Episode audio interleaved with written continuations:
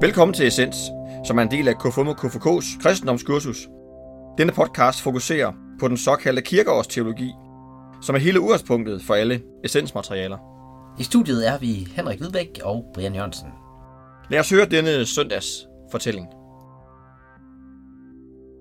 Sidste søndag efter Hellige Tre Konger. Forklarelsen på bjerget. Seks dage efter tog Jesus, Peter og Jakob og hans bror Johannes med sig og førte dem op på et højt bjerg, hvor de var alene. Og han blev forvandlet for øjnene af dem. Hans ansigt lyste som solen, og hans klæder blev hvide som lyset. Og se, Moses og Elias kom til syne for dem og talte med ham. Så udbrød Peter og sagde til Jesus, Herre, det er godt, at vi er her. Hvis du vil, bygger jeg tre hytter her. En til dig, og en til Moses, og en til Elias. Mens han endnu talte, se, da overskyggede en lysende sky dem, og der lød en røst fra skyen. Det er min elskede søn. I ham har jeg fundet velbehag. Hør ham. Da disciplene hørte det, faldt de ned på deres ansigt og blev grebet af stor frygt. Men Jesus gik hen og rørte ved dem og sagde, Rejs jer og frygt ikke. Og da de løftede deres blik, kunne de kun se Jesus alene.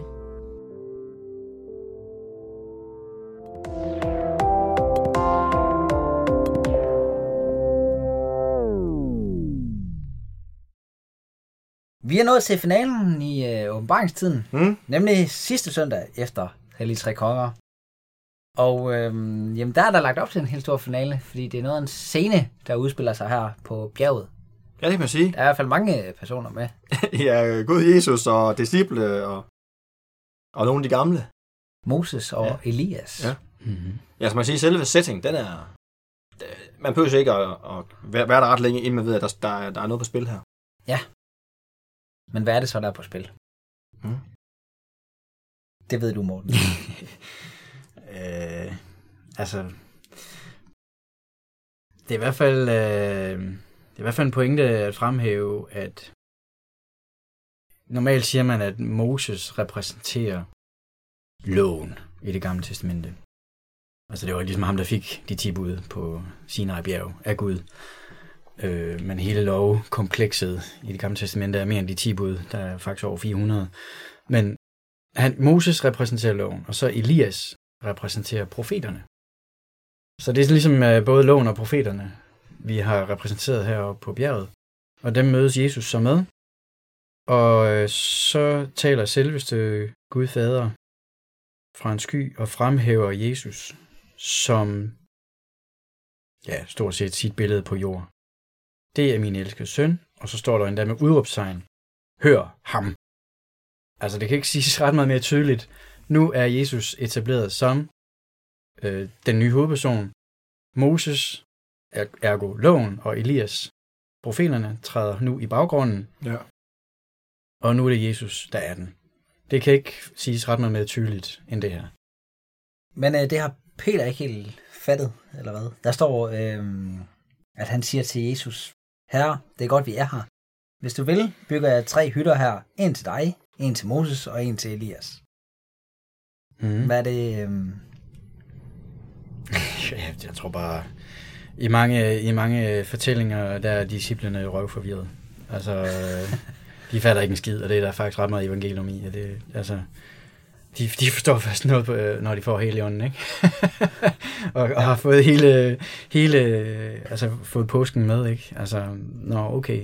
Det var først efter øh, på vandring mod Emmaus, de begyndte at forstå det, ikke? Øh, det kommer vi til. Men øh, her er de bare sådan, altså, det er jo en eller anden paradis tilstand, for så vidt Peter reagerer på. Åh, hold da op, de hellige er her, og Gud er her, og Jesus er her. Skal vi ikke bare blive her? Det er Skal vi bare slå os ned? Det kan vi ikke bare slå os ned at være her, ikke? Ja. Øh, og det, er- det er jo så også noget fint i, at det skal de ikke. De skal ned og være blandt mennesker og være der. Men altså, hovedpointen i dag, det er, at loven og profeterne træder i baggrunden. Jesus er nu den gældende autoritet. Mm? Så man kan sige, hvis man endelig vil have sådan en resume, resume af ikke bare åbenbaringstiden, men egentlig sådan hele kirkegården indtil nu. Nu har vi haft advent og jul, hvor han blev født, og alle de her, den gamle æra, der er ved at lukke ned. Og så har vi så fået udfoldet, hvad betyder det? Og nu er vi så for alvor. Nu, nu er vi der, hvor hovedpersonen kan gå ud på sin, øh, sin egentlige opgave, eller tage rollen på sig for alvor, kan man Ja. sige. Mm. Ja. Nu går fortællingen for alvor i gang.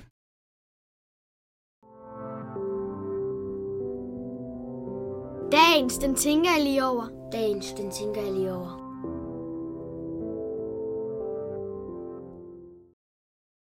Vi springer videre. Brind, hvad øh, tænker du over?